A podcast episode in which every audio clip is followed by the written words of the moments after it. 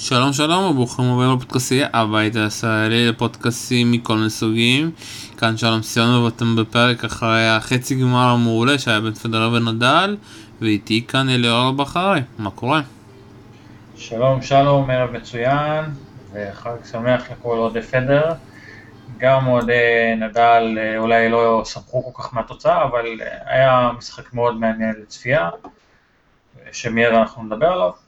כמובן ווימבלדון תמיד אה, רוח משמח, ולכן אנחנו כאן כדי לסקר את חצי הגמר.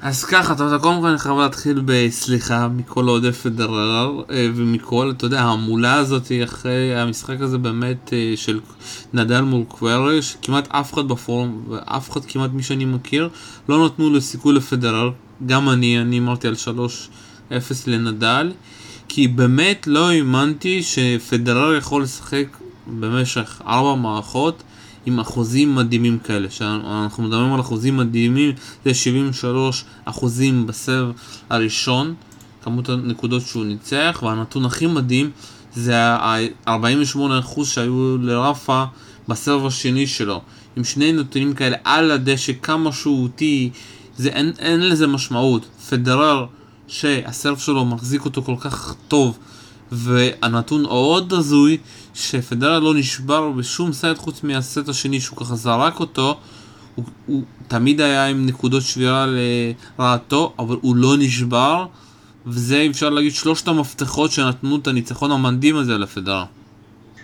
מסכים איתך חד משמעי, כלומר גם העניין של ההחזרות, היינו לא מעט כדורים היום שפשוט פדרר הדביק לקו מ backhand, מדהים, אה, וחלק מהנקודות אמנם, במיוחד במשחקון של 5-3, לעשות שם איזה challenge מיותר, אה, שבאמת הוא ורפה צחקו אחד על השני, לא היה צריך, אבל ראינו, ראינו את כל הנקודות האלו מההחזרות המצוינות, גם ב backhand, גם ב forehand, והנתון הזה שציינת, 48% על serve שני, מסביר את הכל, נדל בדרך כלל הרבה יותר מוצלח על סרף שני, גם שהסרף השני שלו הוא לא כמו אולי כמו של אה, ג'ון איזנר או דומיניק טים עם הרבה קיק, הוא עדיין כן יודע להפיק מעצמו הרבה הרבה יותר בסרף שני, גם התפקוד שלו היה קצת פחות טוב, כלומר גם בסרף שני, גם בנקודות שבירה, אה, גם בהחזרות, אמרת מצוין שפדר עם 73% הצלחה על סרף ראשון, זה לא בדיוק עבד, כלומר ראינו את נדל מאוד מאוד עצבני לאורך כל המשחק,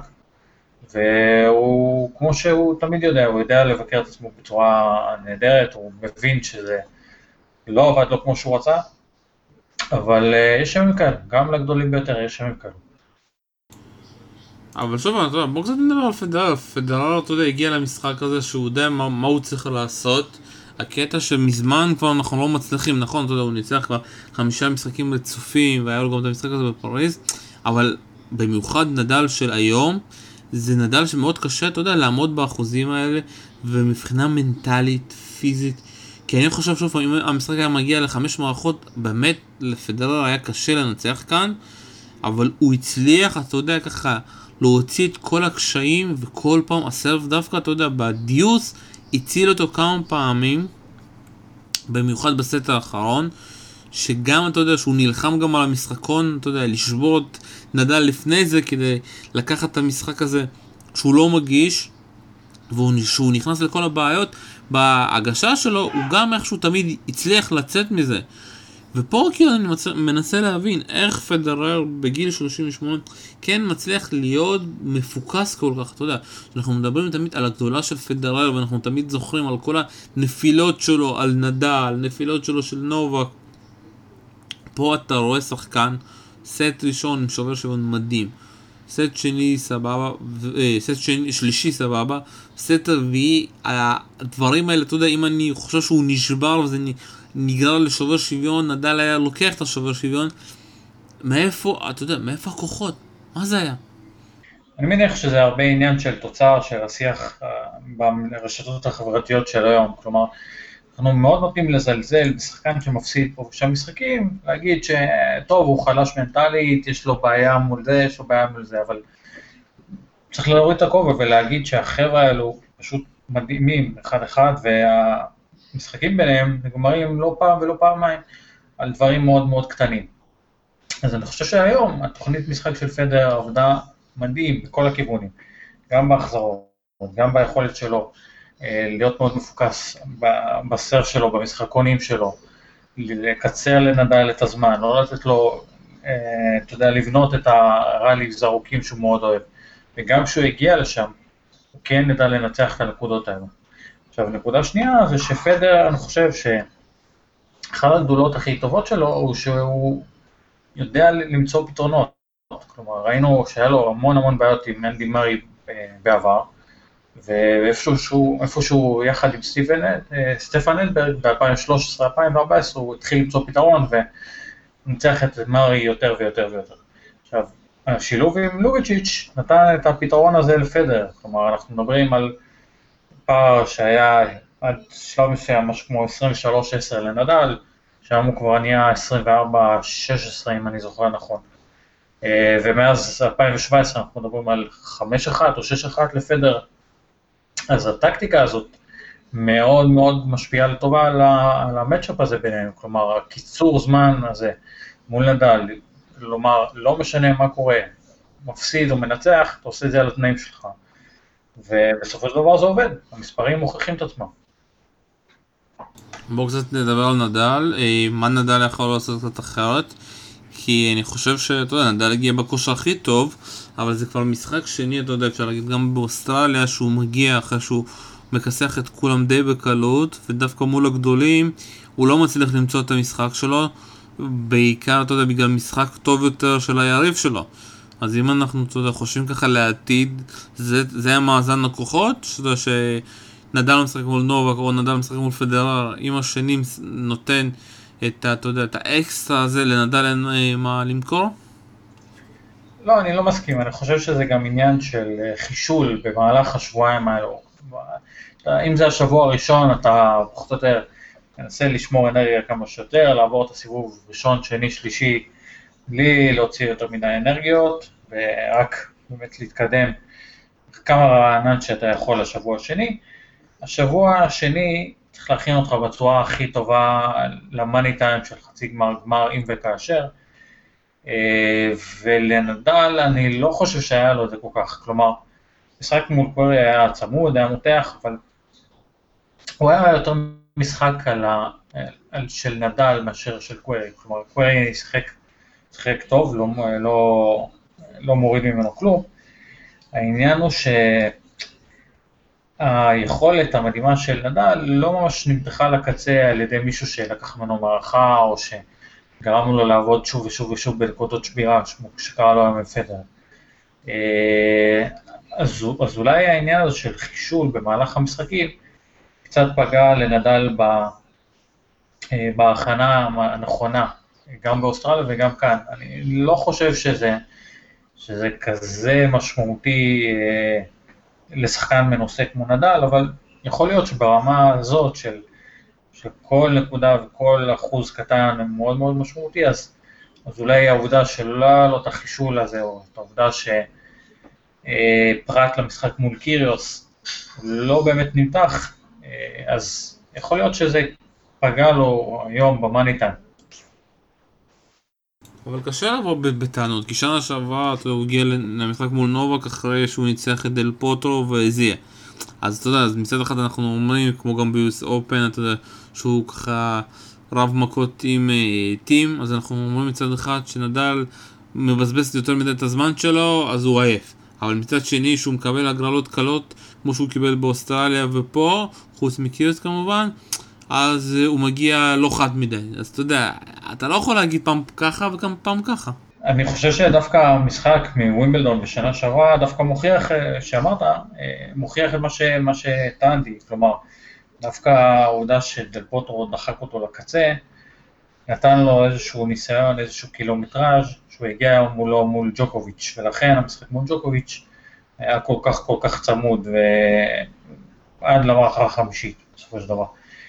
אה, כאן בטורניר הזה לא היה איזשהו משהו דומה שיכין אותו באמת למשחקים מול פדר וג'וקוביץ'. עכשיו, אני מבין מה שאתה אומר, כלומר מצד אחד הוא לא יכול להרשות את עצמו לבזבז יותר מדי זמן ואנרגיה ואז להגיע מול למשחקים האלו גמור, ברור, אבל מצד שני, טורניר קל מדי יכול להיות בעייתי אם וכאשר הוא באמת מתמודד מול אנשים ש... ששקולים לו, או, ש... או בש... נמצאים על משטח שמאוד מאוד נוח להם, כמו שקרה היום עם פדר והדשא. אה, אם זה עובד, אתה יודע, כל הטורניר, כמו בניו יורק ב-2017, שכל הערבים שלו הם, הם נוחים, הם נוחים לו, אז אוקיי, בסדר.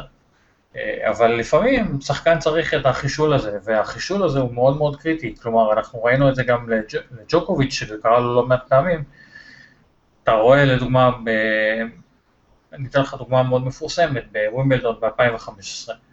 אנדרסון הוביל עליו 2-0, ורק הגשם הציל לג'וקוביץ', אבל ברגע שהדבר הזה ירד לו מהכתף, מהראש, והמשקולת הזאת הוסרה מעליו, הפחד הזה להיות מודח כבר בשלב מוקדם, אחרי זה הוא היה שחקן אחר לגמרי.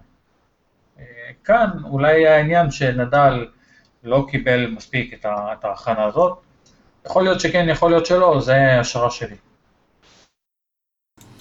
לא יודע, אתה יודע, אני חושב שמאוד קשה לנתח את המשחק הזה, אבל שוב פעם, בינתיים, ממה שאפשר לנתח, אנחנו מנתחים את זה, אתה יודע, שזה לא... רפה לא מצליח להגיע למצב שהמשחק תלוי בו. הוא לא הצליח, אפשר להגיד, להשתלט בכלל על שום נקודה היום. גם במומנטום, אתה יודע, חוץ מזה, אתה יודע, בסט השני שפדרר שם נשבר והתפרק, ואפשר להגיד, זרק את הסט הזה, אבל רפה לא הצליח אותו באופן די מוזר להשתלט על המשחק, גם על ה game serve שלו. פדרר הצליח באמת עם ה backhand שלו מאוד להלחיץ אותו. הרבה פעמים חשבתי שבאמת פדרר, אתה יודע, יעשה slice-ים, אבל הם הגיעו מהבית במחשבה שהם לא מורידים את ה slice הזה, אתה יודע, על כל מכה. כן מנסים, גם אם פדרר החטיא, ללכת על ה backhand המלא, על ה flat, היה הרבה פעמים שם backhand אה, ספינים, ואתה יודע, זה עם מכות שאי אפשר להגיד שנדל לא ציפה להם, אבל בוא נלך, לה, אתה יודע, לדבר הכי הזוי במשחק הזה, שזה הנקודות הארוכות, היו שם כמה נקודות, 23, 5, 6 נקודות ארוכות, ופדרר לקח 2 מתוך, אתה יודע, והפסיד אחד לדעתי. אז אני חושב שזה דווקא לזכות פדר, כלומר שהממוצע של המשחק הלך, כמו שאתה אומר, לראליז שהם הרבה הרבה יותר קצרים. זה דווקא לתוך, אה, לעניין של תוכנית המשחק של פדר, כלומר, לא משנה אם אתה מנצח או מפסיד, אתה עושה את זה על התנאים שלך, גם המשחק היום לא היה משחק ארוך במיוחד, אני חושב שמשהו כמו שעתיים חמישים, שלוש שעות, שזה סביר יחסית למשחקים ביניהם, ו, ועצם זה שפדרר כל הזמן משבש לו את הקצב, אם זה כמו שאתה אומר, החזרות מאוד אגרסיביות, backhand מלא, ושהוא עומד כל הזמן, כל הזמן על הקו ה baseline. זה מאוד קשה להתמודד עם זה, גם, אם אתה, גם אם אתה יכול להיות נדל ואתה יכול להיות ג'וקוביץ', אבל בסופו של דבר, המכבש הזה, אה, זה פועל עליך, פועל עליך, ואם אתה אחוז שניים ביום פחות טוב, הפערים האלו, אה, אתה יודע, הפערים האלו צומחים, והופכים להיות מה שהם היו היום. עוד דבר שהפתיע אותי, שראינו מול שחקנים אחרים, זה הסרף וולי של אה, נדל. היום קיבלנו את זה רק בנקודה האחרונה במשחק, אתה יודע, בגיים סרף שהוא הצליח להציל שם, שזה גם משהו, אתה יודע, שיכול להיות שנדל נלחץ, הוא פחות אה, משתמש בדברים אחרים, וכאן גם, אתה יודע, אחד הדברים שקצת הרס לו, כי אם הוא היה כן נכנס לרשת, במיוחד מקבל נקודות אה, קלות בסרף שלו, זה כן היה קצת, אתה יודע, אה, אפשר להגיד, אה, נותן לחשוב לפדרר?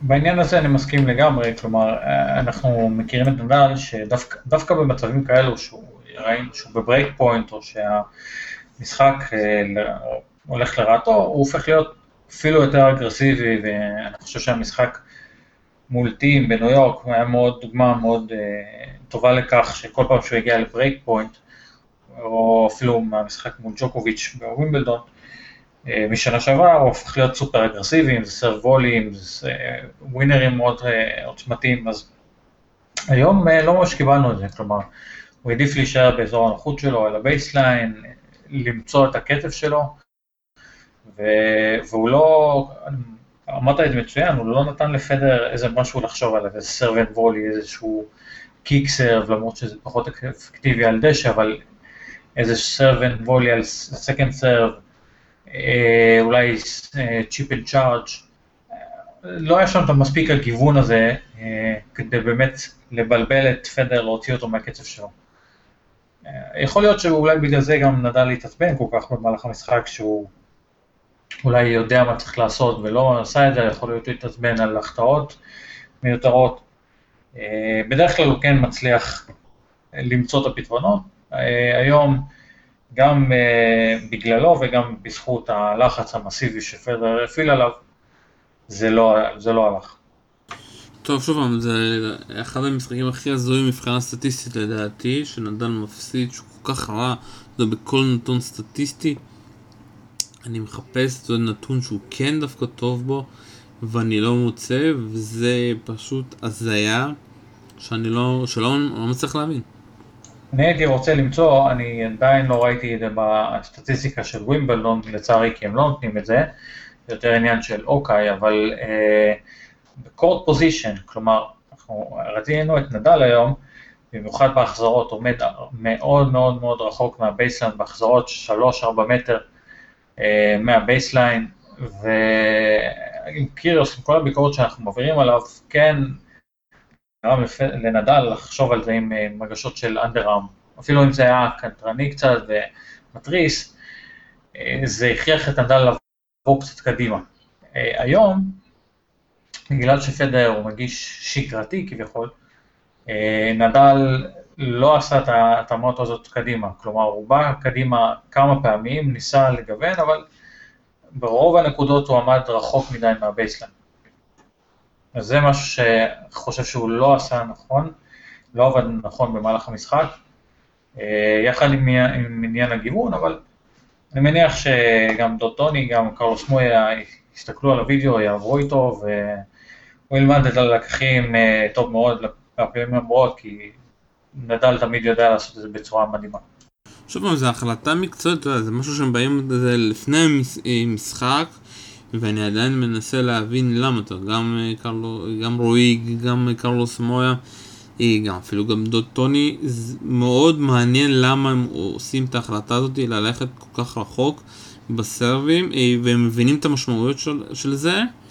אה, אולי לטעמי, אני חושב שלטעמי מדובר על איזשהו ניסיון שבא מרפה, כלומר לקבל איזשהו קצב על, על הסרב, להתחיל לקרוא קצת הסרב, לראות פחות או יותר מי נגד מי, באיזה אחוזים פדר מגיש היום, לאן הוא מעדיף להגיש היום.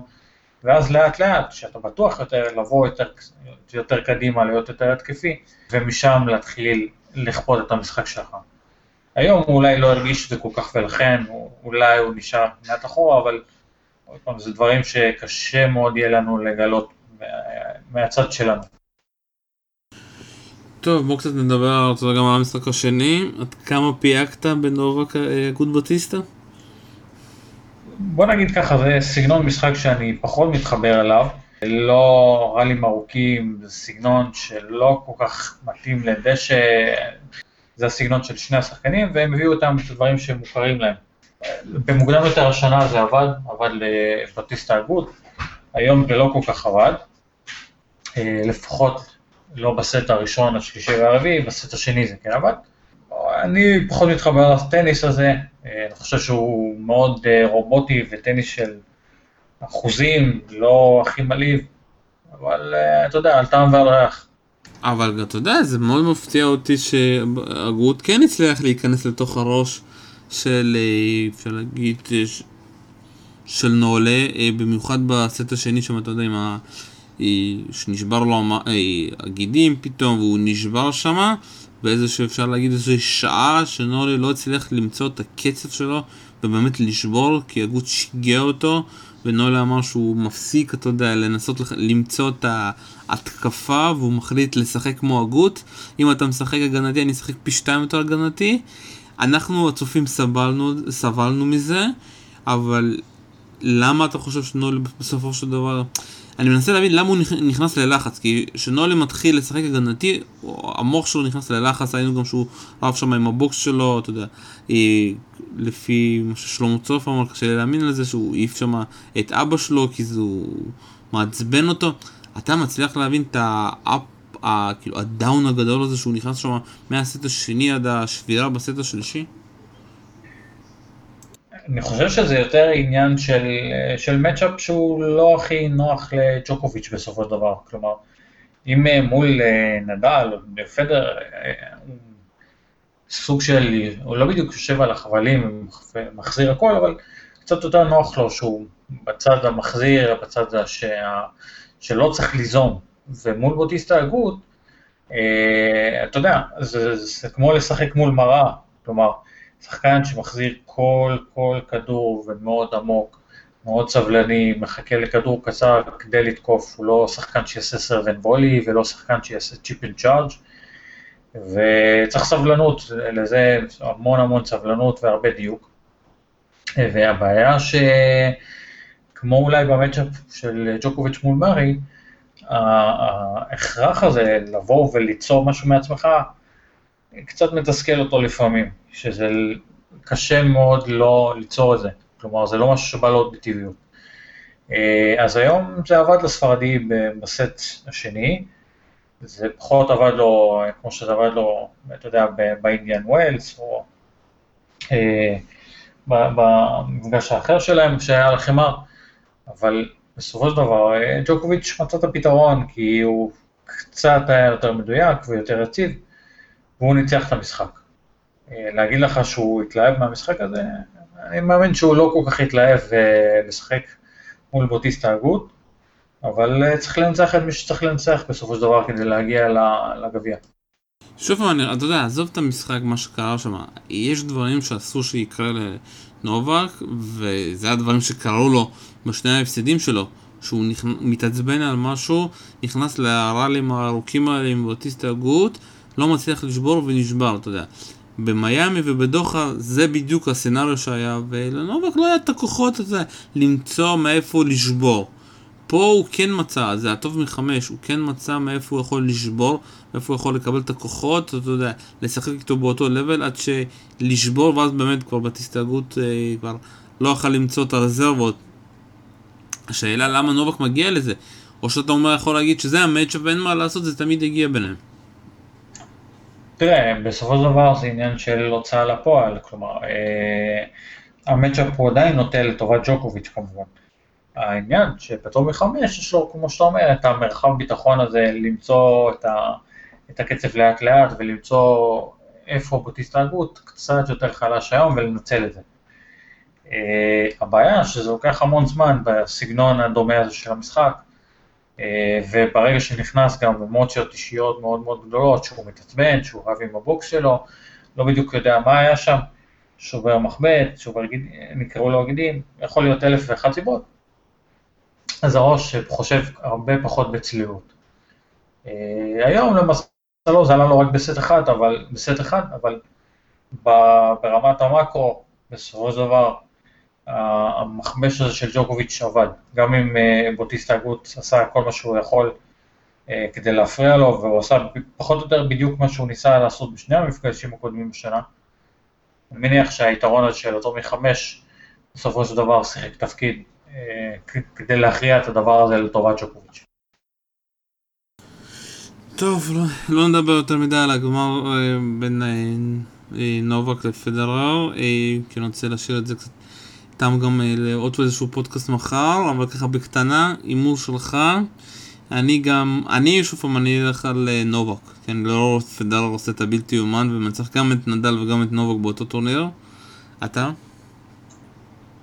וואו, אה, קשה לי, קשה לי להמר על משחקים של פדרר, אני לא, אני לא חושב שיש את העניין של נאחס או לא נאחס, פשוט כי זה המון המון המון דברים של הוצאה לפועל באותו יום, כלומר, כמה הוא מצליח להגיש הגשה ראשונה, כמה הוא מצליח לנצל אה, הגשה שנייה, אה, מה אחוזי ניצול שלו ב break points, וזה דברים מאוד קטנים שקשה מאוד להבין אותם אה, לפני כן, ובטח ובטח להמר עליהם. אני כן חושב שזה אפשרי, כלומר, המשחק היום היה לא קשה מדי פיזית, כלומר, כן משחק מאוד מתיש אמוציונלית, הוא אמר את זה פדר בברעיון לך משחק שהוא מותש, וזה בעיקר, אני חושב, עניין אמוציונלי, כי לשחק מול נדל אתה חייב להיות מרוכז ב-100% מהזמן, אבל יש לו את הזמן הזה להתאושש, גם פיזית, גם מנטלית. בגמר, אני לא יודע להגיד, אני מקווה, מקווה, מקווה שזה יהיה אותו דבר, כלומר שפדר יצליח להביא את המאה אחוז שלו, אבל uh, אתה יודע, ב-2012 הוא כן הצליח לנצח את ג'וקוביץ' ומרי אחד אחרי שני, את ג'וקוביץ' ונדל uh, זה אתגר לא, לא קל בכלל, אני מסכים? לא קל בכלל. אני תמיד אופטימי לגבי פדר, תמיד. לא, לא משנה, גם אם, אתה יודע, הוא הפסיד פעמיים בעבר לג'וקוביץ' בגמר, ב-2014, 2015, כל משחק הוא אחר, אז אני, אני, נשמע, אני נשאר אופטימי. טוב, אה, טוב שאנחנו פה מסיימים את זה בנימה אופטימיים, כמו שאומרים. אליאור בחר, תודה רבה לך. תודה, שלום, ובהצלחה לפדר בגמר. בהצלחה, בהצלחה. תודה רבה לכל המאזינים, ושוב פעם, אוהדי נדל, אנחנו מצטערים, אבל זה מה שקרה, כולנו חשבו שהוא מגיע בכושר הכי טוב, אבל מול מלך הדשא לפעמים הכושר הכי טוב שלך לא, אה, לא מספיק. תודה רבה שהזנתם, ביי ביי.